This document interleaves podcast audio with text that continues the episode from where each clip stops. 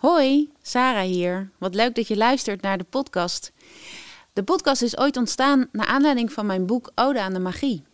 Wil jij ook een exemplaar van het boek? Ga dan naar odeaandemagie.nl. Welkom bij Ode aan de Magie. Vandaag brengen we een ode aan de magie met schrijver en allround creatief talent Barbara Thomas. Over het verschil tussen verantwoordelijkheid nemen, lef hebben en lief zijn voor jezelf. Over hoe magie kan ontstaan binnen vaste kaders, het belang van de ukulele en het ongemakkelijke van vloerverwarming.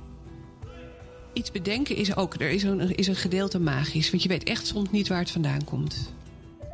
Ook wel van als er een beetje een randje iets nog niet klopt. Dat, daar, waar, daar waar het niet, nog niet klopt, zitten ook de mogelijkheden. Daar waar het nog niet af is, zitten de mogelijkheden. Zit er groei in, zit er ruimte.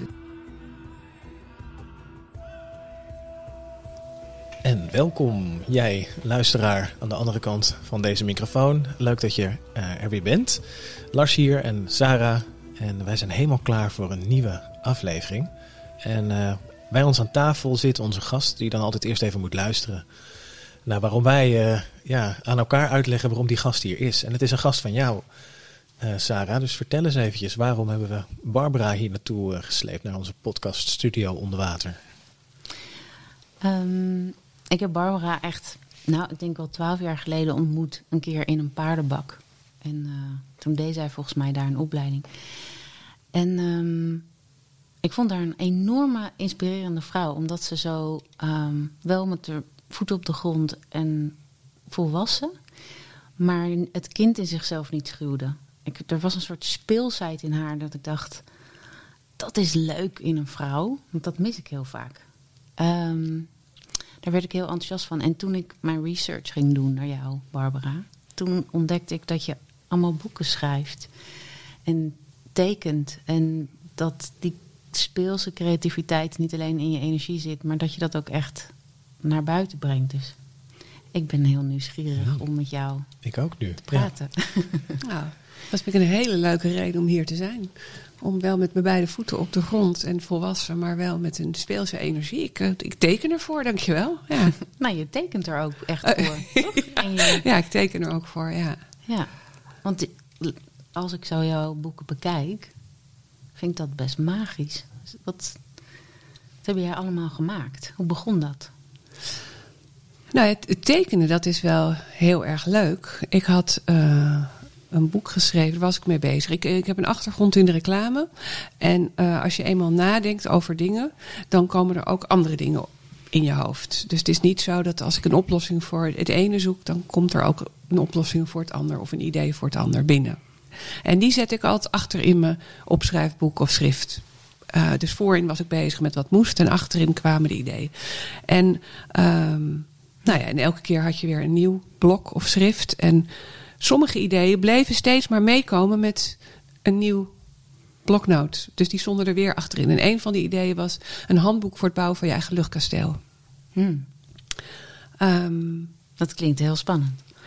Ja, nou ja, ik vind het heel erg mooi dat als we het over speels hebben om emotionele dingen tastbaar te of emotionele dingen te versimpelen of ontastbare dingen tastbaar te maken. is natuurlijk heel erg raar, een luchtkasteel. Of raar, dat bestaat eigenlijk niet. En daar een handboek voor te maken. Uh, dat vind ik leuk. Want nee, dat boek gaat helemaal over het gebruiken van je fantasie. Ja, omdat... klinkt als concreet maken van je fantasie. Of in ieder geval serieus nemen. Ja, omdat de fantasie het begin is van de werkelijkheid. Ja, het, het is ook zo simpel als wat. Maar als je het je niet eens kunt voorstellen, weet je zeker dat het niet gebeurt. Um, dus je moet wel iets mooier van. Je moet een beetje ruim fantaseren. En dan komt de realiteit past er wel in. Um, maar om op antwoord te geven op je vraag waarom ik ging tekenen. Dus ik had dat geschreven. Of dat boek ben ik gaan schrijven. En uh, toen sprak ik met mijn uitgever. Of ik had een uitgever. En ik had kleine tekeningetjes zelf gemaakt. Gewoon met potlood. Maar ik kon helemaal niet tekenen. Um, en ik had ook een goede illustrator die echt de kunstacademie had gedaan. Die had ik gevraagd, wil jij het maken? Die kon heel mooi tekenen. En mijn uitgever zei, maar waarom doe je het niet zelf? En ik zei, dat ik natuurlijk niet. Ik kan helemaal niet tekenen. Maar op het moment dat dat uitgesproken is, waarom doe je het niet zelf? Dan begint als, oeh, dat is wel heel leuk. En alles wat je nog niet hebt gedaan is spannend. Dat moet je eigenlijk proberen. Het is niet dat je het dan kan, maar het is wel leuk om te proberen. Ehm, Klinkt een beetje als een uitspraak van Ja. Langkous. ja, Maar ik net niet, probeer- ik probeer hem net niet. Ik wou hem, al, ik wou hem om. Ik hoorde hem, dacht ik, nee, daar komt hij. Nee, Dat gaan we niet doen. dat gaan we niet het is doen. net anders. Het is, ja, het is anders. Ehm, nee, het is leuk om dingen te proberen. Het is niet van ik heb het nog nooit gedaan, dus ik kan het wel. Ik heb het nog nooit gedaan, dus ik moet het proberen. Ik moet het uitvinden. Ja. Ik moet het uitzoeken. En je hoeft het helemaal niet te kunnen. Dat is weer iets. Ja, Why? mooie, mooie nuance. Ja, dus daarom. En ik ben groot fan van Pippi. Ehm, Want het is iets anders inderdaad als je het moet kunnen. Dus je, jij had de bereidheid de tekeningen te maken, ook als het niet zou worden wat je wilde. ja, Dus met dat de onzeker of dat de uitkomst onzeker is en mag zijn. Ja, absoluut. Want als die er moet zijn, dan is de lol ervan af. En, ehm, Ja. en schrijven is wel iets anders. Dat is eh, over. Het is sowieso heel mooi tussen, tussen woord en beeld. Woorden, daar kun je ook over in discussie gaan. Dus ik ben ook copywriter. En als ik dan voor een klant een tekst heb geschreven, dan kunnen we eindeloos over een woord pielen, emmeren. Ehm, Hm. Maar visueel, je vindt het mooi of niet, het raakt je wel of niet. Er zijn- er is veel minder woorden aan. Dat is heel fijn. Dus ik ben ook veel meer bezig ook met de vormgeving. Dus het is heel erg een combinatie van woord en vormgeving. Maar dat begon toen. ehm, toen mij werd gevraagd om mijn eigen boek te illustreren. En dat heb ik gedaan. En daarin heb ik in dat boek, maar het moest ook meteen een soort stijl worden, want het moest bij elkaar passen. Dus ik heb mezelf een paar, ik heb één pennetje gebruikt, ik heb een paar aquarelkleuren gebruikt, dus ik beperk ook meteen mijn mogelijkheden. Een oog was gewoon een stipje, een mond was een hartje met een streepje erdoorheen.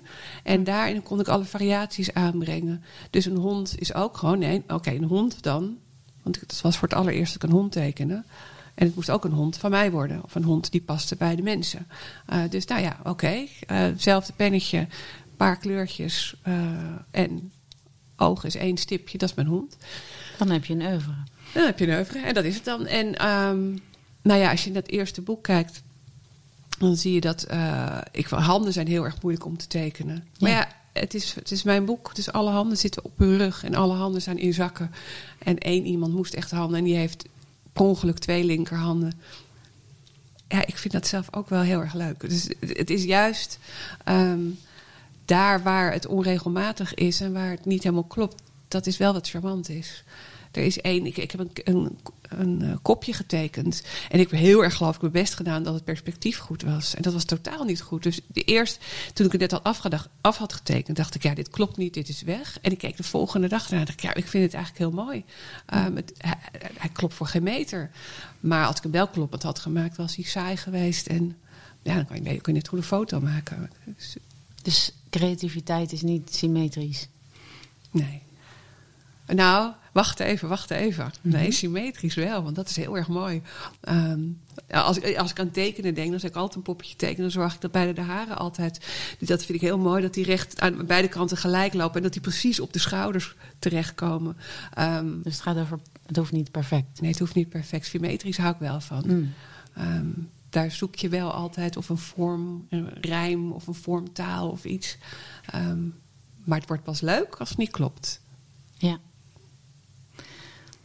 Wat is het meest ehm, magische wat jij in je leven hebt meegemaakt?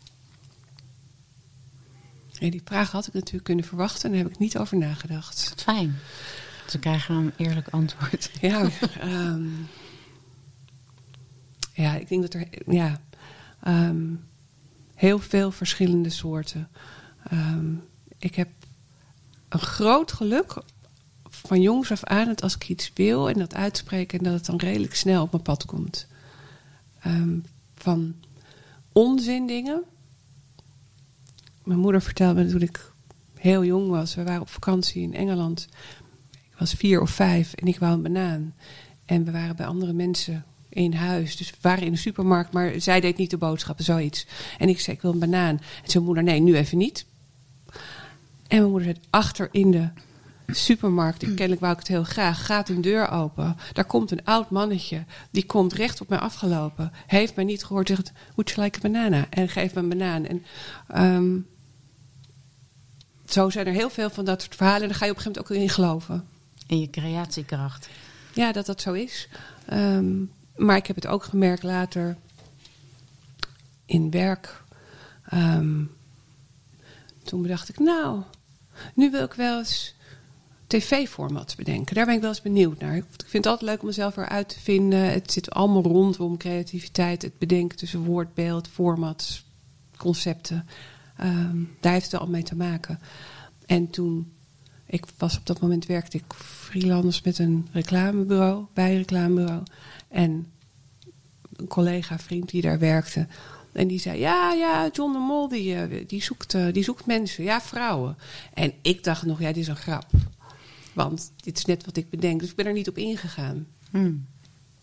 En toen een paar weken later zei hij het weer. Natuurlijk, oh, maar was het echt? Bedoelde hij dat echt? Ja, want ik ben er net helemaal... Ik, ik ben maar even in, in aan het verdiepen. Ehm, Dus als het klein is, als je een banaan creëert, dat is oké. Maar als je echt megalomaan iets... dan oh nee, dat is ook oké. Alleen zo, Ja? zo- soms, soms, soms krijg je meteen al en dan zit hij in je gezicht en, en dan heb je hem nog niet door. Ja. Nee, ehm, ik vind wel dat ik al heel. Wat ik nu wel moeilijk vind, nu ik iets ouder word, of ik nog zoveel mag wensen. Ehm, ik vind mezelf al echt heel goed bedeeld. En jeetje, de wereld, mo- mo- moet ik nou nog meer en mag ik nog meer? Waarom zou dat niet mogen dan? Ja. Hebben anderen dan minder? Nee, dat is natuurlijk niet zo. Niet anderen hebben minder, maar. Nou, hier moet ik nog even over nadenken. Ik wist ook wel, ja. Is eigenlijk, misschien praat ik wel tegen mezelf van wat opvallend. Toen ik jong was, mocht ik alles wensen. En nu denk ik, nou joh, ik heb twee gezonde kinderen. Ehm, ik heb een huis en ik doe het leukste werk. Ik bedoel, elke keer als ik weer iets werk, als ik bedenk, oh, nu wil ik die kant op, dan beweeg ik die kant op en dan tref ik mensen die daar net mee bezig zijn of waar het, waar het aansluit. Eh, ik heb ook heel erg vertrouwen erin dat het allemaal wat op mijn pad komt goed voor me is. Moet ik nou nog heel veel wensen? Dus dat ja, Dus je bent een heel gelukkig iemand. ja. ja. En je kan... Op een gegeven moment is het geluk genoeg.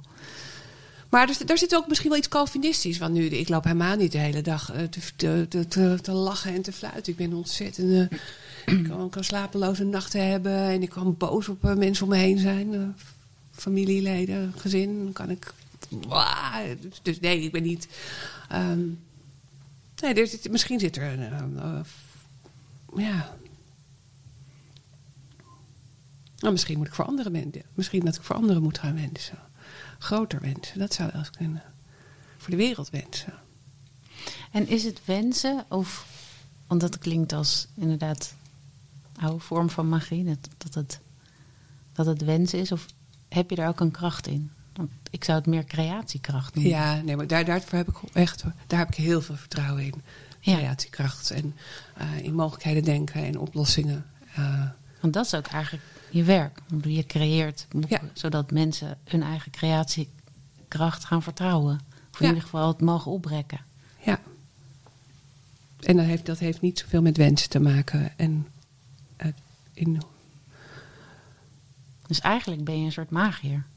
in je werk. Ik, zie ook, ik zag in jouw je laatste boek, Playmode. Ja. Als je openslaat, zie je heel vaak het woord magic. En dat Nou, wist ik helemaal niet van tevoren. Ik, was heel, dacht van wauw, oh, ze zit echt op dit onderwerp. Oh, nou ja, ik dacht toen jij me belde, dacht ik, ja, wa- waar, ik, ik, we kennen elkaar uit een paardenbak, maar bel je me daarvoor of bel je me voor mijn nieuw boek over creatief? Dan snap ik het. Dan snap ik het. Ik belde Ehm, jou voor jouw energie. En die energie die. En ik ben daarna eigenlijk pas gaan kijken wat je allemaal deed. Ik, heb, ik, ik kon voelen dat jij iets spannends deed, maar ik wist het niet precies. En of je nou met paarden werkt, want volgens mij heb je dat een tijd gedaan. Of, of de boeken die ik dan nu allemaal eh, voorbij zie komen, denk ik: wauw, ja, ze, zet, ze, ze heeft het lef om de magie echt te leven.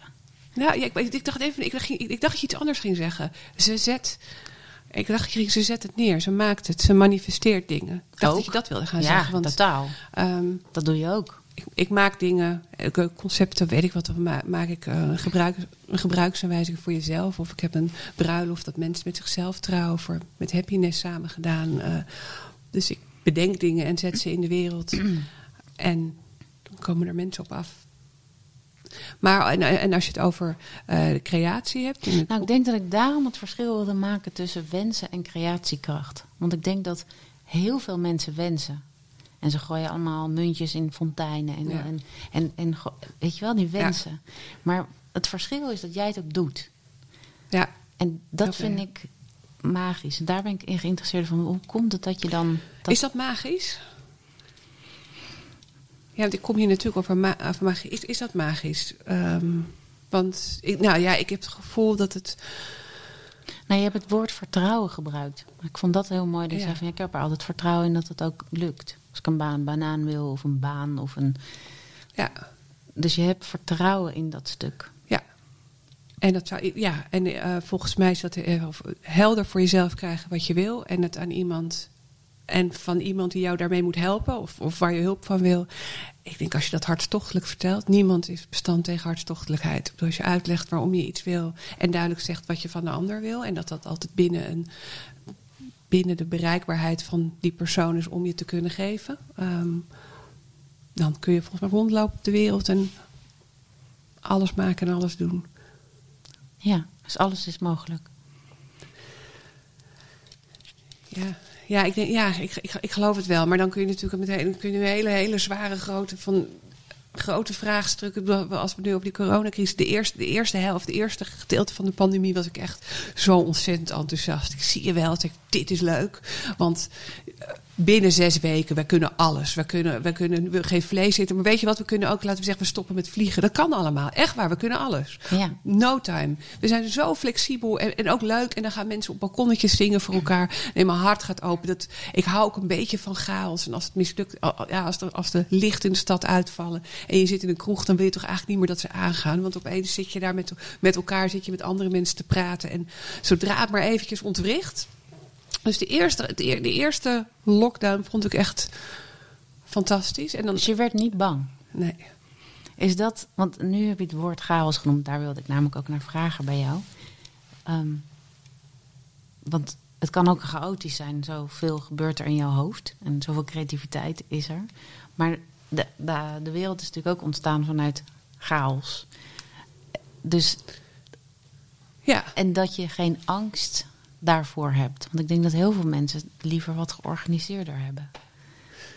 Ja, ja, want ik heb, al- ja, nee, ik, eh, eh, ja, ik ben er niet bang voor. Want wat kan me, ja, Dat is best uniek. Ehm, ik, ik- heb vertrouwen. Eh, ik heb ontzettend vertrouwen in, voor het veerkracht dat ik het ook anders kan noemen. Want het is niet dat alles gebeurt zoals ik het wil. Maar soms kun je het ook kijken. Hé, hey, dat, was, nou, dat was een experiment. Of dat had ik niet willen missen. Ehm, en ik vind er is ook een maakbaarheid. Die, daar, daar wil ik het ook niet. Dat vind ik een beetje eng. Dat iedereen miljonair en witte tanden en mooi moet zijn. Dat vind ik ook niet interessant. Nee, dat is weer perfect. Ja, maar ik heb wel de, de- de- ja, ontzettend vertrouwen in, in, de, eh, in mogelijkheden denken. In, eh, en juist, er moet iets van onverwachtheid. Er moet, ik heb nu een huis waar bijna alles klopt. We hebben nu vloervorming. Daar krijg, ik- daar krijg ik het een beetje benauwd van. Ehm, dat vind ik iets te veel. Dus ik, ik hou er, perfectie. ja, ik hou er ook wel van als er een beetje een randje iets nog niet klopt. Dat, daar, waar, daar waar het niet, nog niet klopt, zitten ook de mogelijkheden. Daar waar het nog niet af is, zitten de mogelijkheden. Zit er groei in, zit er ruimte. Er moet altijd een mate van onverwachtheid. Want daar zit de creativiteit. Zo kun je de creativiteit faciliteren. Want het is niet alleen dat in mijn boek als ik het over magie had. Dan, ik wil heel graag dat creativiteit serieus genomen wordt. En als je denkt dat creativiteit alleen maar magisch is, dan trek je het weg bij veel mensen. Mhm. En volgens mij kun je die creatieve magie kun je faciliteren. En die heeft heel erg te maken met goed nadenken over de vraag die je stelt. Aan de ene kant. Fantaseren over de uitkomst. Zonder te zeggen wat de uitkomst moet zijn. Moet zijn. En daartussen, dat noem ik dan de magic gap of creation. Omdat dat lekker mooi in het Engels is. Dan klinkt het nog beter. Ja, klinkt Ehm, heel spannend. maar dan maak je het kleiner mee. Dus je maakt, je, ehm, je kadert. De, een ruimte voor het onverwachte kan ook alleen maar zijn als er een ruimte is, doordat die gekaderd is aan twee kanten. Dus niet als je het volledig chaos en alles open doet, dan is er niks. Dan, dan, dan, dan, verzuip je, dan dus heb je te veel mogelijkheden. Maar als je dat verkleint, nou ja, zoals met zo'n tekening, dat ik zeg: nee, een stipje is een oog en dit pennetje gebruik ik en deze drie kleuren, dan kan, kun je iets maken. En als het tussen een vraag en een fantasie, want ik had wel een fantasie, ik wil mijn, mijn, mijn oplossing mijn, was, ik, ik, ik wil een bepaald soort stijl. Ehm, de vraag is, jeetje, ik ga mijn eigen tekeningen maken. En daartussen moet je het een beetje loslaten. Maar je kunt het niet helemaal loslaten. Ja, dat is, Het is dus echt een beetje een balancing act. Dus creativiteit of magie kan er zijn als er ook kaders zijn. Ja. Ook conditioneringen. Dat, dat zie- denk ik wel. Ik zie gewoon toch dat plaatje van het meisje in de, de Mm. supermarkt gelijk iedere keer terugkomen. Eh, waarbij de supermarkt en de nee van mama even het kader was. En de vraag eigenlijk heel basic. En eh, ja, ik, ik wil wel een banaan. En dan daar, daar kwam die. En bijna alsof je nog steeds in de veel grotere en complexere dingen waar je nu mee bezig bent. eh, in basis er nog wel zo in staat. Nee, met open handen. Ja. Klaar dat er iemand een banaan in komt leggen. Eh, Ja, nou ja, klaar dat iemand hem erin komt leggen. Ik geloof wel, eh, als we het dan over het universum hebben en dat je je boodschappen uit moet- dat- je het moet zeggen, dat vind ik een lastig. Maar ik geloof wel dat als je zelf, dat het universum altijd je inzet verdubbelt. Ehm, dat als je je best doet voor iets, dan, dan komt aan alle kanten werkt mee. Maar je moet wel zelf iets doen. Het is niet, ik ga nu honderd keer affirmaties Nee, het is op, dus een- niet... op een roze steen en in, in het maanlicht. En dat moet je helemaal doen. Nu, nu, ik wil het eigenlijk niet. En dat is helemaal goed. Ehm, het is niet helemaal mijn manier. Ik vind het ontzettend leuk om het in de wereld te zetten. Om daar ook over na te denken. Ja, maar wat wil ik? En, waar, en wat heeft een ander daaraan? Ehm, dat is misschien gek reclame. Is niet zo spiritueel. Maar je bent wel altijd bezig met een boodschap wat betekent dit voor een ander? Hoe heeft dit betekenis? Dus ja, het heeft betekenis voor mij, maar ik, ik kom altijd, als ik iemand hulp vraag, wat heeft die ander daaraan? En als ik, iemand in, als ik iets in de, in de wereld wil zetten, dan denk ik altijd, ja, maar wat, welke behoefte vervult dit? Het is niet alleen, het is niet alleen die, die banaan is alleen was toen voor mij. Ehm, Ja, maar dat is een hele belangrijke oefening. Daardoor kreeg jij vertrouwen in dat je dat kon creëren. ja. Dus dat is heel mooi. Maar ik probeer even met je mee te gaan in, eh, want ik vind het een heel spannend gebied. In waar ga je overboord en wordt het te wild? En eh, zijn er te veel keuzes? En is de creativiteit weg? En waar zijn er te veel kaders waardoor je niet meer creatief kan zijn? En dat precies op, op dat. Speel, daar maak je het speelveld. Ja. Daar, daar gebeurt het, daar gebeurt het. En dan dat je ook niet weet, waar kwam het vandaan? Ja, Dan krijg je een oplossing. En ja, het allerlekkers wat de grote luxe is, is als ik 's ochtends niet iets hoef te doen. Als ik in mijn pyjama Mhm. rondloop en ik heb meestal meerdere projecten lopen, maar dat er niet iets is, dit moet vandaag af. Mhm. En ik kijk wat zich iets krijgt, neemt voorrang op alle andere dingen. ja, En het ligt 's ochtends, ik word ermee wakker. ja. En als er dan ook niet iemand tegen me aankletst, Mhm. en dat, maar het kan een vraag zijn. Het, kan ook, het, het is niet zo dat de, de belangrijkste vraag vooraan ligt. Het kan ook een vraag van, van een kind zijn. Ja, nee, precies. Maar dan ben je En- open voor het onverwachte. Dan kan Ja. het gebeuren, maar er zijn wel kaders waarbinnen dat Ja. gebeurt. En die ka ik denk dat ik redelijk snel die kaders maak. Ik denk dat ik eh, heel aardig voor mezelf ben. Ik Mhm. ben niet faalangstig, omdat ik ook niet een hele hoge... Ik vind het helemaal niet erg als iets mislukt. Nee, dat hoor ik. Echt, Dus boeit je- me totaal niet. Nee, en dat is dat, is dat lef hebben. Nee, dan is het geen lef, denk ik. Want nou ja, dat zou ik ook wel dat andere, dat zou ik willen gunnen. Ik weet nog niet hoe, hoe, je dat nou aan mensen leert. Nou, lef Ehm. hebben is, is het proberen zonder dat het perfect hoeft te zijn. Je mag je toch op je bek gaan. Lef, Ja. hebben, lef hebben of ondernemen of iets creëren is iets doen met de mogelijkheid dat het mislukt. Maar als, je, als het mislukken heet, dan, dan heb je lef. Ja, eh, eigenlijk. Nee, misschien heb ik niet het gevoel dat ik heel veel lef heb. Maar dat ik heel aardig ben voor mezelf. Dat is anders. Ik vind het wel een mooie. Ik ben ontzettend lief voor mezelf. Nee, maar ik noem het wel. Ja, omdat ik het ook echt niet erg vind. Ik hoef, niet, ik hoef nergens de beste in te zijn. Nee. Ehm, maar ik vind het wel heel erg leuk om mooie dingen te maken. Maar dan, als je nergens de beste in hoeft te zijn, heb je dus ook geen angst. En dan hoef je jezelf niet tegen te houden. Want ik denk dat heel veel mensen wensen. Maar ehm, nu snap ik veel meer ook die vrouw die ik in die paardenbak zag staan. Die, en ik, ik noemde het net volwassen, maar ik vind het verantwoordelijkheid nemen voor jezelf in je leven. Dat vind ik een hele mooie. En eh, want wat jij zegt eigenlijk is, er zijn wel degelijk kaders. En je kan wel iets willen creëren in je leven, maar er, er zit ook een verantwoordelijkheid aan. Als je het inzicht hebt in jezelf, dan heb je het ook te doen. Als jij weet wat je wil maken, dan ga je het ook doen. Ik denk dat heel veel mensen het niet durven te doen omdat ze bang zijn voor wat het allemaal kan zijn. En jij zegt, ik heb vertrouwen, dus ik ga het gewoon doen. Nou, het, oh, eh, gek dat het woord verantwoordelijkheid me raakt. Ja, precies. Maar dit is ook een verantwoordelijkheid. Het is niet. Ik zag het inderdaad, Ja. dat het je raakte. Wat, wat deed Ja, dan? dan- dat, dat zit ik nu ook even te bedenken van waarom. Ik, ik ben er even zelfs van. van Ehm, wat ik wel leuk vind van het woord verantwoordelijkheid, dat maakt het ook gewoon weer wat zakelijker. Het maakt het weer wat harder. Van hé, hey, maar je wil iets, ga het ook doen en ga, ga, ga het maken. Ehm, Dat is wat ik bedoel met gegrond. ja, Dat je het wel aards maakt. Dus we, we kunnen magie of ehm, fantasie of spelen... kunnen we heel erg fladderig maken. My Little Pony, of noem je dat? ehm, met eenhoorns. eenhoorns en dat soort dingen. Dat, we daar, dat is wat mensen van magie van, nou joh, je zweeft. Maar mijn zoektocht is heel erg naar ja. Maar als je de magie voor je laat werken, wat jij eigenlijk doet, en de verantwoordelijkheid neemt voor wat, die, wat, wat het leven je laat zien en je daarmee werkt, dan is het heel gegrond. En daar zit er een verantwoordelijkheid in. En dat raakt mij er ook aan. Je moet best wel, ik ga toch het woord weer gebruiken, lef hebben om het te doen. En jij zegt, jij maakt er iets anders van. Dat vind ik heel mooi. Ik heb, ik heb geen lef, maar ik ben heel aardig voor mezelf. Misschien is dat heel mooi. Dat we tegen mensen moeten zeggen... Je moet gewoon heel aardig zijn voor jezelf. Ja. Ja. nee, maar het is toch heel naar. Ja, oh, ik, ik heb er moeite mee. Van, je, je moet lef hebben. En dat gaat, want, want dan moet je een soort buiten je comfortzone. En laat me er gewoon eens een keer een dag in zitten. En het is echt heel erg toch om, om je gewoon prettig te voelen. En heel dicht, diep bij jezelf. eh, en helemaal geen lef. Maar dat- dit is een man. Dit zijn, misschien de woorden. Nou ja, maar ik dacht ineens van... Oh, ik zit nu met jou in het reclamebureau... en we hebben het over een woord. Ja, ja. Over wat betekent lef voor Wat jou, betekent lef? voor mij. Misschien hebben, vinden we dat ook allebei net anders. Omdat, omdat het voor mij niet voelt alsof ik lef heb. Omdat het ook geen... eh, ehm, het, het kost geen moeite. Nee. En, en wel, maar ik was heel erg. Dus de eerste keer dat ik naar een reclamebureau ga, ik bloosde heel snel. Ik was heel erg verlegen. Ehm, mensen denken altijd dat ik heel lief ben.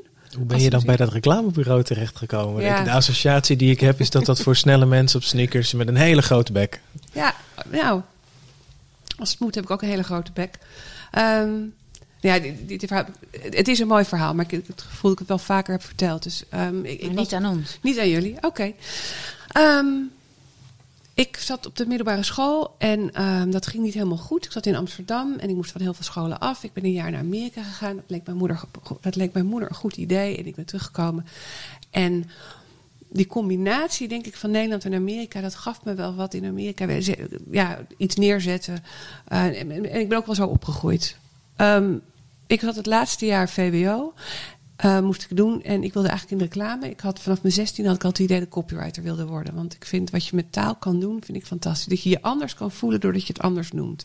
Grote voorliefde. Ehm, Maar ik moest nog het laatste jaar. Ik, had nog, ik, wat, ik moest mijn VWO nog afmaken. Maar ik dacht, ik wil copywriter worden. Ik heb twaalf reclamebureaus een brief geschreven.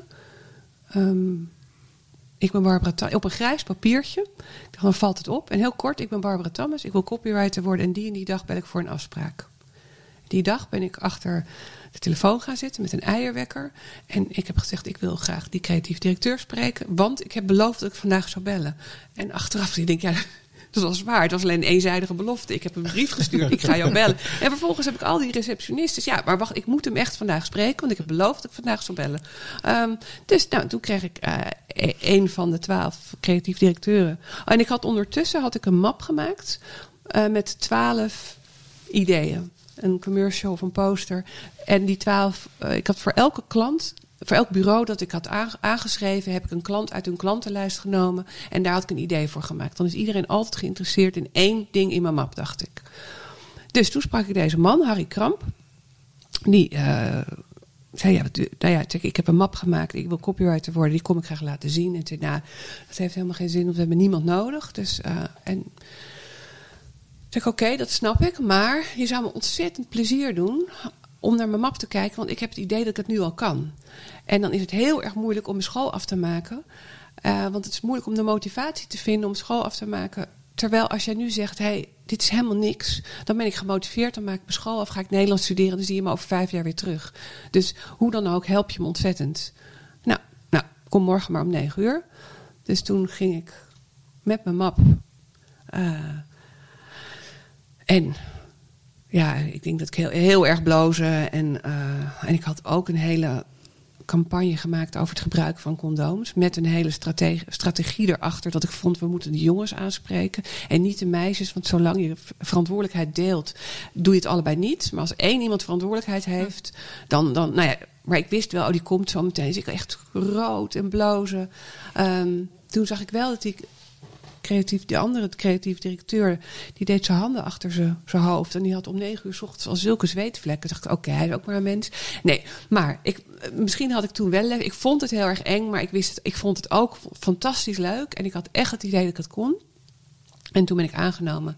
Uh, dus dat was het eerste gesprek wat ik had. En dat was op dat moment het beste reclamebureau wat alle prijzen won. En uh, toen ben ik heel hard aan de slag gegaan. Doen wat ik ontzettend leuk vond. Wauw, leuk. Ja. Maar en toen ben je van school gegaan? Ja, dus ik heb mijn school Oh, ja, afgemaakt. Lekker zeg. Ja. Wauw. Ja. Rebel? Ja, ehm nou Maar ja, ze- ik ze begin heeft nu wel- geen lef hoor. Nee, geen Nee, Nee, het is- is gewoon fucking aardig voor mezelf weer. Gewoon aardig voor Ja. zichzelf. Ja, Dat ik, hoef, nou, ik dacht, ik, wil, ik ben niet gemotiveerd. Ik moet een motivatie zoeken. Dus ik, ehm, Maar is het woord, eh, Maar- eens even tussendoor, misschien het, de moeite met het woord lef, dat het eh, zou kunnen impliceren dat als je niet lef hebt, dat je dan laf bent.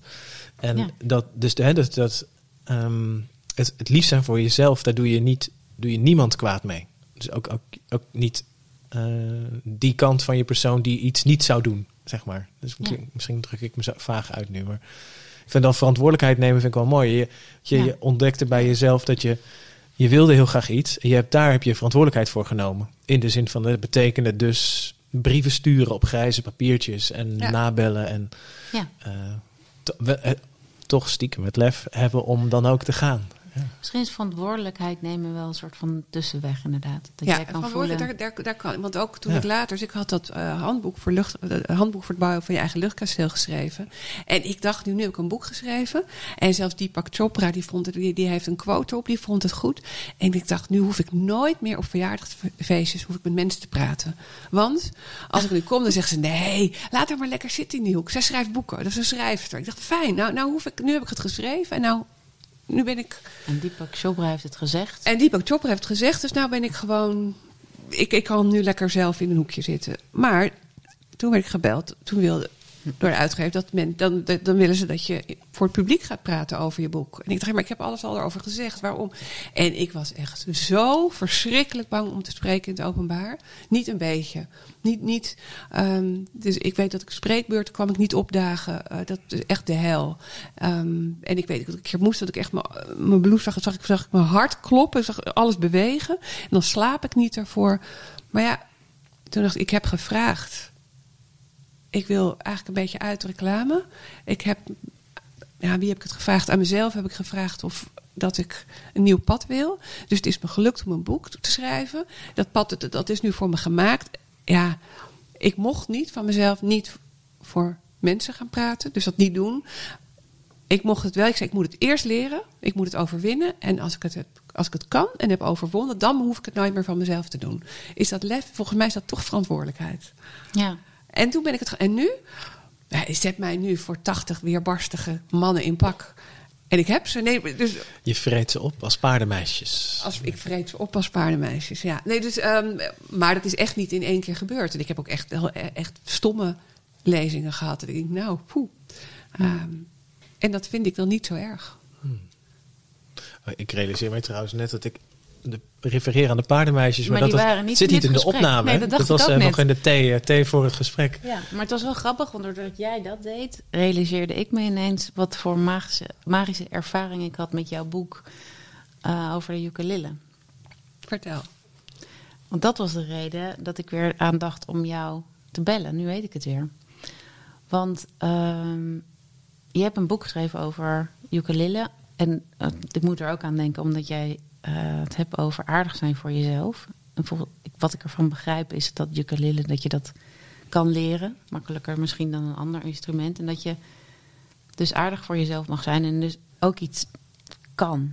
Nee, ik, ik weet niet of ik kan dit uitleggen. Ja. Zal ik het eerst over Ja, ja, leg het uit. waarom ik dat boek heb geschreven. Ehm, ik merkte ik ben niet muzikaal. Dat wilde ik wel heel erg graag. Dus ik heb ook, toen ik nou ja, in de reclame zat en de geldpest had, ik een hele mooie gitaar voor mezelf gekocht bij de, bij de beste winkel. En ik heb een hele goede uh, gitaarleraar uitgezocht. Ik zei, hey, ik heb het heel druk, dus ik heb niet geoefend, maar ik wil dit en dit leren. En dat ga je me leren. En ik ben hier en ik kwam met mijn mooie gitaar. En ik heb het gewoon niet. Ik, het is me nooit gelukt om een fatsoenlijk Jolene. En mensen. En ik kan heel veel, dus ik vond het ook prima. Ik dacht, oké, dit, dit, dit, heb ik niet. Ja, precies. Je bent aardig voor jezelf. Ik ben aardig voor mezelf. Ja. En dan liep ik liep heel graag met die hele mooie koffer. En ik, dat vond ik heel stoer, maar ik dacht, niemand moet iets vragen mij te spelen. Um, toen kwam ik een aantal jaar geleden, tenminste acht jaar geleden of zo, op een camping. En daar was een vrouw die zat ukulele te spelen. En dat klonk heel erg mooi.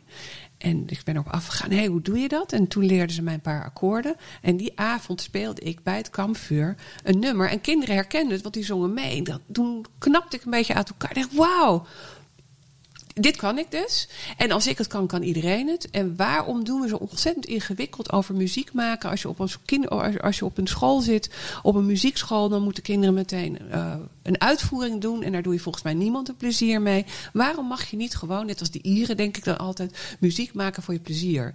En dus toen ben ik, die, die, die vrouw Lieselot, die, werk, die woonde bij mij om de hoek. Zijn we verder gegaan. Zij is wel muzikaal. Maar ik dacht, ik wil dit ook uitleggen op, een manier. En ik wil mensen die niet muzikaal zijn, allemaal die de droom kwijt zijn, gaan bekrachtigen. En we geven workshops en we leren het binnen twee uur leren we iedereen ukulele spelen. Op meest basale niveau. Het maakt me niet uit. Dus we maken je. Nou ja, ik heb allemaal van die zinnen van. Eh, ik stoom je niet klaar voor het conservatorium, maar voor het kampvuur. Om mijn plezier. Net eigenlijk wat Jamie Oliver heeft gedaan voor koken, wilde ik doen voor muziek. Uh, dat je het plezier aan beleeft. En je hoeft niet als je een ei kan bakken. Dus je hebt drie recepten. Je kan een ei bakken, je kan uh, een biefstuk bakken en uh, je kan waanzinnig goede pasta saus maken. Hoef je nog geen restaurant te beginnen. Waarom mag je niet gewoon genieten van muziek maken? Dus um, eigenlijk was ik bezig met mijn uitgever om een boek over creativiteit. En toen dacht ik, oh, het wordt iets anders. We gaan niet een boek nu over creativiteit. Het gaat over de ukulele. Ja, maar dit vind ik eigenlijk wel een beetje het delen van de magie met mensen. Want als jij dit aan anderen kan geven, dat je binnen twee uur dat kan leren, of in ieder geval, je kunt het doen. Je hebt een prachtig boek gemaakt en dan met zo'n ukulele erbij. Ik heb de ervaring dat ik dit dus als cadeau aan mijn zus heb gegeven. En dat was mijn magische ervaring. Ik liep een boekenwinkel binnen en ik was op zoek naar een cadeau voor mijn zusje. Mijn zusje heet Laura. Maar mijn kinderen konden haar naam nooit uitspreken toen ze klein waren. Dus ze noemden haar Lalu. En toen was daar een hele stand met jouw boeken en ukuleles. En toen dacht ik, oh, zou ze dat leuk vinden? Toen wist ik het niet zeker. Want ik dacht, ja, geef ik haar dan weer iets wat ze moet? Want zij is wel perfectionistisch. En ik wilde haar heel graag iets geven wat niet moest. En toen de ukulele die erbij lag, die heette I Love My Lalu. Ah, en zo noemden wij haar. Die was voorbestemd. Dus als je het nu zo uitlegt, denk ik, ja, wij wilden haar iets geven om lief te zijn voor haarzelf. Ja. En nu heb je me dat net uitgelegd dat jij de wereld eigenlijk leert lief te zijn voor jezelf. Nou, dat, dat vertel jij mij nu eigenlijk. Ja. Doordat je me, me, omdat je me eerst maar lef van geeft. Dat ik lef denk, nee, nee, dus we komen er zoekend eh, achter. Ja, maar ja. zo leren we met z'n tweeën dan. Wat, het, wat het dan werkelijk is. En blijkbaar is het verantwoordelijkheid. Uiteindelijk, als een soort tussenweg hebben. Dat je daarvoor mag staan. Dat je ook lief mag zijn voor jezelf. Ja, en als ik verantwoordelijkheid, dan ben ik een beetje streng tegen mezelf. En ook streng tegen de andere mensen. Van, hé, maar het is, je, je bent natuurlijk wel zelf verantwoordelijk. Je bent zelf verantwoordelijk voor je eigen geluk. Ja, het, klinkt, het klinkt flauw en weet ik wat. Maar het is toch echt niet de schuld van iemand anders. Als jij niet gelukkig bent. Nee. Um, nee. Dus, en je mag alles in de hele wereld. Alles, alles staat je bij en helpt je, kun je. Mag je gebruiken. Er is een hele wereld vol met dingen, mensen. Alles, alles. De natuur is er voor je. Ja. Um, maar het is niet de schuld van iemand anders. Hoe, ja. Nee, dat is de afleiding. Als je blijft bij dat de schuld is van iemand anders, dan blijf je het slachtoffer. En jij zegt eigenlijk, door lief te zijn voor jezelf, neem je mensen met je boeken mee aan de hand en zegt: Moet je kijken wat jij kan. Ja, bekrachtigen. En... Ja. Mijn zusje kon trouwens de volgende dag een liedje spelen. En ze heeft het bij mij op mijn WhatsApp inge, ingezongen. Ze zei, je mag het niet delen met anderen. Nou, dat, dat, vind ik, nee, maar dat vind ik echt het allerleukste om te doen. Je mag het niet delen, want daarbij wees je zelf ook, het is niet helemaal goed. En dat was niet de bedoeling om te laten zien, kijk eens wat goed ik ben. Nee. Um, en, dan, en ze wilde het wel delen, ze had er ook plezier, ze, had er, ze heeft er plezier aan gehad. Zeker. Ja. Nee, dus het was heel erg gelukt. Dat was heel... eh, dus I love my Lalu. ja, Ja. mooi. Ja. Zo ben je dus eigenlijk zelf ehm, ook verantwoordelijk voor weer magie die bij anderen eh, ontstaat. En dan vraag ik me af, weet je, of je dat. Nou, ben je daar al bewust van? Of ben je daar ook bewust mee bezig? Jij bent ook een soort banaanuitdeler geworden. Nou, grappig genoeg is dat met de muziek voel ik dat. Ehm, omdat ik mezelf heb. Ik, ik, ik kan helemaal in die schoenen staan van diegene die onzeker is over muziek maken. Terwijl ik, muziek is fantastisch en het is heerlijk. En, ehm, en ik hou ervan om heel hard te zingen. En, en dan is het helemaal niet zo mooi. Ehm, dus ik pas heel goed. Ik kan me heel goed. Ik, ik voel me daar heel erg de advocaat voor de, voor de niet-muzikalen. Die kan ik heel goed verdedigen en kom op. En wat ik ook leuk vond. Ik heb bijvoorbeeld gevraagd aan een hele goede muzikant. Je, je hebt een, een linkerhand waar je akkoorden mee maakt. En een rechterhand waar je ritme mee maakt. Nou, dat staat al helemaal nergens. En dat ritme, dat moet je maar gewoon voelen. Eh, dat voel ik niet. Ja, ik, ik voel hem wel, maar ik, ik, ik, kan niet naar mijn hand sturen wat hij dan moet doen. Dus toen heb ik aan een muzikant gevraagd: ja, maar wat doe je nou precies? En die hele goede muzikant kon het ook niet uitleggen. Dacht ik, ha. Maar als jij niet kan uitleggen, is er helemaal niets aan de hand dat ik het niet begrijp. Dus toen heb ik een systeem bedacht. Ik wil graag dat je het me zo uitlegt. Ehm, dus ik heb voor, voor mijn gevoel dat verhaal weten om te draaien. eh, om, ja, om op te komen voor de mensen die graag muziek maken, maar er helemaal niet goed in hoeven zijn. Dat zou ik heel graag ook willen doen voor creativiteit. En dat heb ik geprobeerd, of dat probeer ik met mijn Playmode boek. Maar zoals ik niet muzikaal ben en daar maar goed in kan verplaatsen, weet ik niet of ik me genoeg kan verplaatsen in iemand die totaal geen, geen creatief zelfvertrouwen heeft. Dat weet ik niet. Want dat, het kan zijn dat ik wat iemand doet die muziek maakt tegen mij zegt: Ja, dat voel je toch? Dat doe je gewoon zo en zo. En dat ik denk: Nee, ik voel hem net niet. Dus het kan best, ik zou dat heel, heel mooi vinden. Dat zou ik graag willen. Om het creatieve zelfvertrouwen van mensen te vergroten. Maar ik weet niet zeker of me dat lukt. Of ik goed kan aanvoelen. Want ik snap eigenlijk snap ik iemand niet helemaal die het over die innerlijke criticus heeft. Jawel, ik, ik zeg ook heel veel dingen tegen mezelf. Gisteren probeerde ik te tellen hoe vaak ik me schuldig voelde. Ik nam een halve dag vrij. Ehm, maar als ik creëer, als ik iets maak, dan heb ik geen last van die stem die zegt: Ach, dat wordt toch niks. En echt niet alles is mooi wat ik maak. Ehm, maar ik. En ik snap hem niet helemaal. En omdat ik hem niet helemaal snap, weet ik niet of ik mensen daar genoeg mee kan helpen. Ehm, snap je wat ik bedoel? Heb je op een ander gebied zo'n innerlijke saboteur? Want in die creativiteit, daar zit hij niet. Nee. Daar kan jij helemaal losgaan. En, en die creativiteit grappig, wil ik graag delen met mensen. Dat, daar, daar zou ik, al- al, als ik iets wil delen, dan is- zit het daarin. Ik, het- de rest van mijn leven ga ik, ga ik het over spelen. Ja, Eh, over spelen hebben, creativiteit in mogelijkheden denken, oplossingen bedenken. ja dus da- Daar da- gaat- daar, zit daar jouw zit het. talent. Dus Ja. Het is grappig, want ik had net met Lars over, net voordat jij kwam. Lars is namelijk een fantastische spreker voor grote groepen. Daar ligt zijn uitdaging niet. Dat, daar hadden we het over. Dat kan hij al. Dus hij kan dat heel makkelijk doen. En zeggen mensen, oh wauw, wat fantastisch. En jij hebt dat eigenlijk op het gebied van creativiteit. Daar zit je uitdaging niet. Maar heb je een- zo'n innerlijke saboteur op een ander gebied?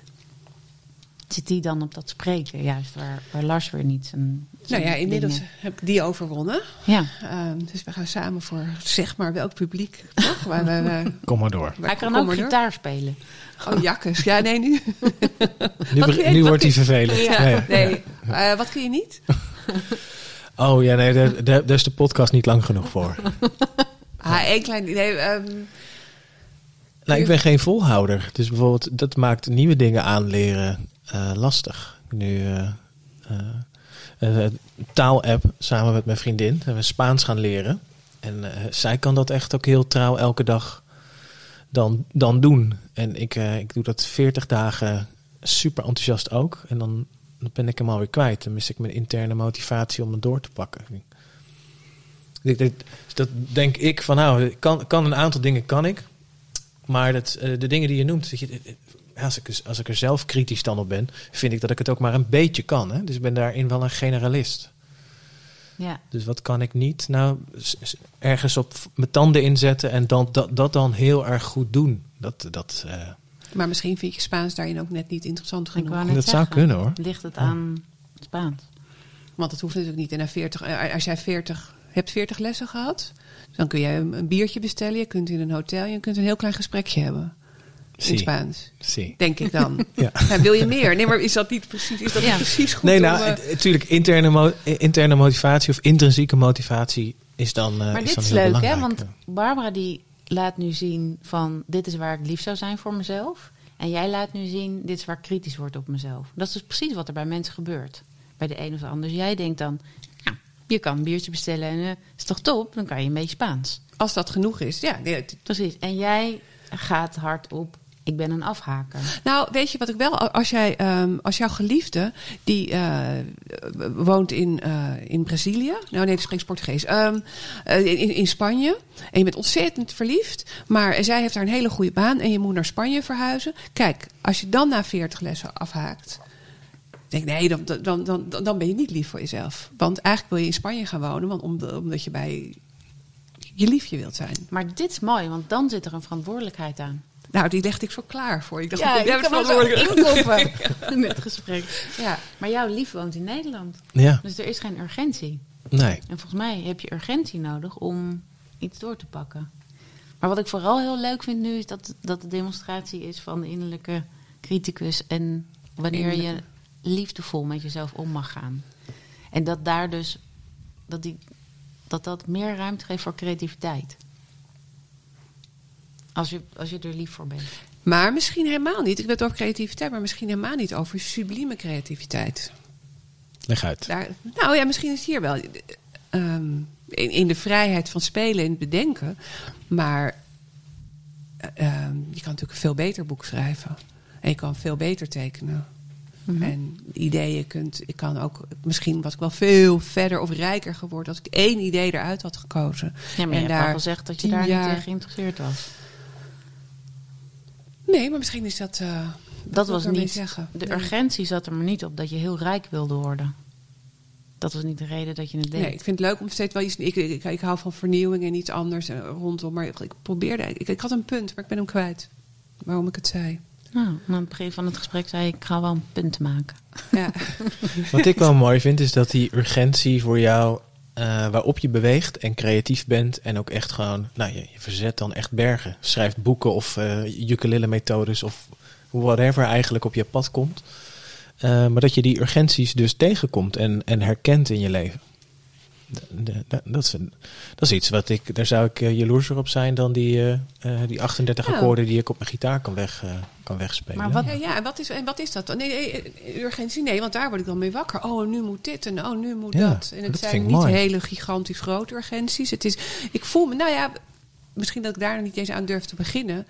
Ik had ook wel eens arrogantie dat ik dacht dat ik... Ik weet nog dat Saddam Hussein was toen bezig. En ik had er arrogantie. Ik dacht, als ik hem spreek, kan ik hem overtuigen. Hm. Oh, doe dit eruit. Wat zeg ik nu? Nee, ehm, als je denkt dat je van alles kan, dan heb je ook die verantwoordelijkheid. Maar Ja. dat is ook een beetje veel. Dus Ja. sommige dingen, ik weet ook dat ik een tijd gewoon niet het nieuws heb gekeken. Want ik dacht, ja, maar als ik dat zie allemaal, dan, dan moet ik er ook wat mee. Dan kan ik het niet naast me neerleggen. Ja. Maar Nou, dan daar ga ik je toch iets vragen over die paarden. Want Ja. ik heb je daar ontmoet en toen, toen ik je belde zei je van... maar ik weet niet of je het daarover wil hebben, want dat doe ik niet meer. Maar nu ben ik daar toch wel heel benieuwd naar. Want je, je was daar ook zo gedreven, maar dat is echt een van de weinige dingen die je niet hebt doorgezet. Dan, als, Ehm. als paardencoach of, of hoe- Oh, hoe je het wil Oké. zien. Want je Ehm. had echt een kudde en je, had, je was daarmee Ja. bezig, maar dat heb je niet. Nou, eh, als ik, drie, als ik drie parallele levens had gehad, was ik er zeker Hm. mee doorgegaan. Dus het is iets wat ik heel erg mooi vind. Maar Het was niet dat je die verantwoordelijkheid niet wilde pakken. Nee, ik vond het. Nee, wat ik het mooist vind, is ik heb dan een. eh, ik ontwikkel een methode. Mhm. En die doe ik vier keer om te kijken of die klopt. Dus ik heb toen ook een mindfulness met paarden ontwikkeld. En eh, het werkte. En, maar dan zat het voor mij zit het er niet in om het dan honderd keer te doen. Ja, precies. Ehm, Nee, je hoeft ook geen honderd boeken over één onderwerp te schrijven. nee. Nee, oké. Dus het is niet dat je je verantwoordelijkheid er niet op pakte. Het is niet dat je ergens voor bent Nee, weggegaan. Maar ik ben ook geen coach. Want ik ben, ik ben niet een goede coach. Want op een gegeven moment wil ik gewoon mensen ook een beetje, een beetje schoppen. Of Dat slaan. lijkt me een hele goede coach. Ja, maar ik, kijk, kom op. Nee, maar ga het gewoon doen. Omdat ik daar, ik ergens haal, kan ik dat stukje niet helemaal terughalen. Daar bereik ik mensen niet. Waarom doe je het niet gewoon? Dat, dat snap ik dan niet. En Dat lijkt me echt een van de belangrijkste vragen die mensen mogen stellen in een coachpraktijk. Waarom doe je het niet gewoon? Ja, Gaat, gaat. ja. verantwoordelijkheid. Dat is volgens mij ook waarom het je Wees raakt. lief voor jezelf. Ga het doen. Ja, Ja, maar wel vanuit die, precies die. ja. En niet ga het doen omdat je anders een loser bent. moet. Ja. Nee, maar ga het doen. Dat is wat je wil. Ga het doen. Precies. Ga niet elke keer weer een muntje in het water gooien en wensen. Maar wat, wat heb je te doen? Welke verantwoordelijkheid heb je te nemen om ervoor te gaan? Maar ik denk dat, dat je wijzelijk kiest om gewoon te laten zien aan de wereld hoe je het doet. Dan dat je ze vertelt dat ze het moeten doen. Want ik vind het heel mooi. Ik vind het inspirerend wat je maakt. Nou, dat, dat, dat is heel fijn. Ja, en ik vind het heel fijn om dingen te mogen maken. En dan zit het toch meer in het op- opnieuw bedenken dan in het honderd keer of in, in meerdere malen het uitvoeren. Dus dat is bij. En ik heb nog steeds een paard.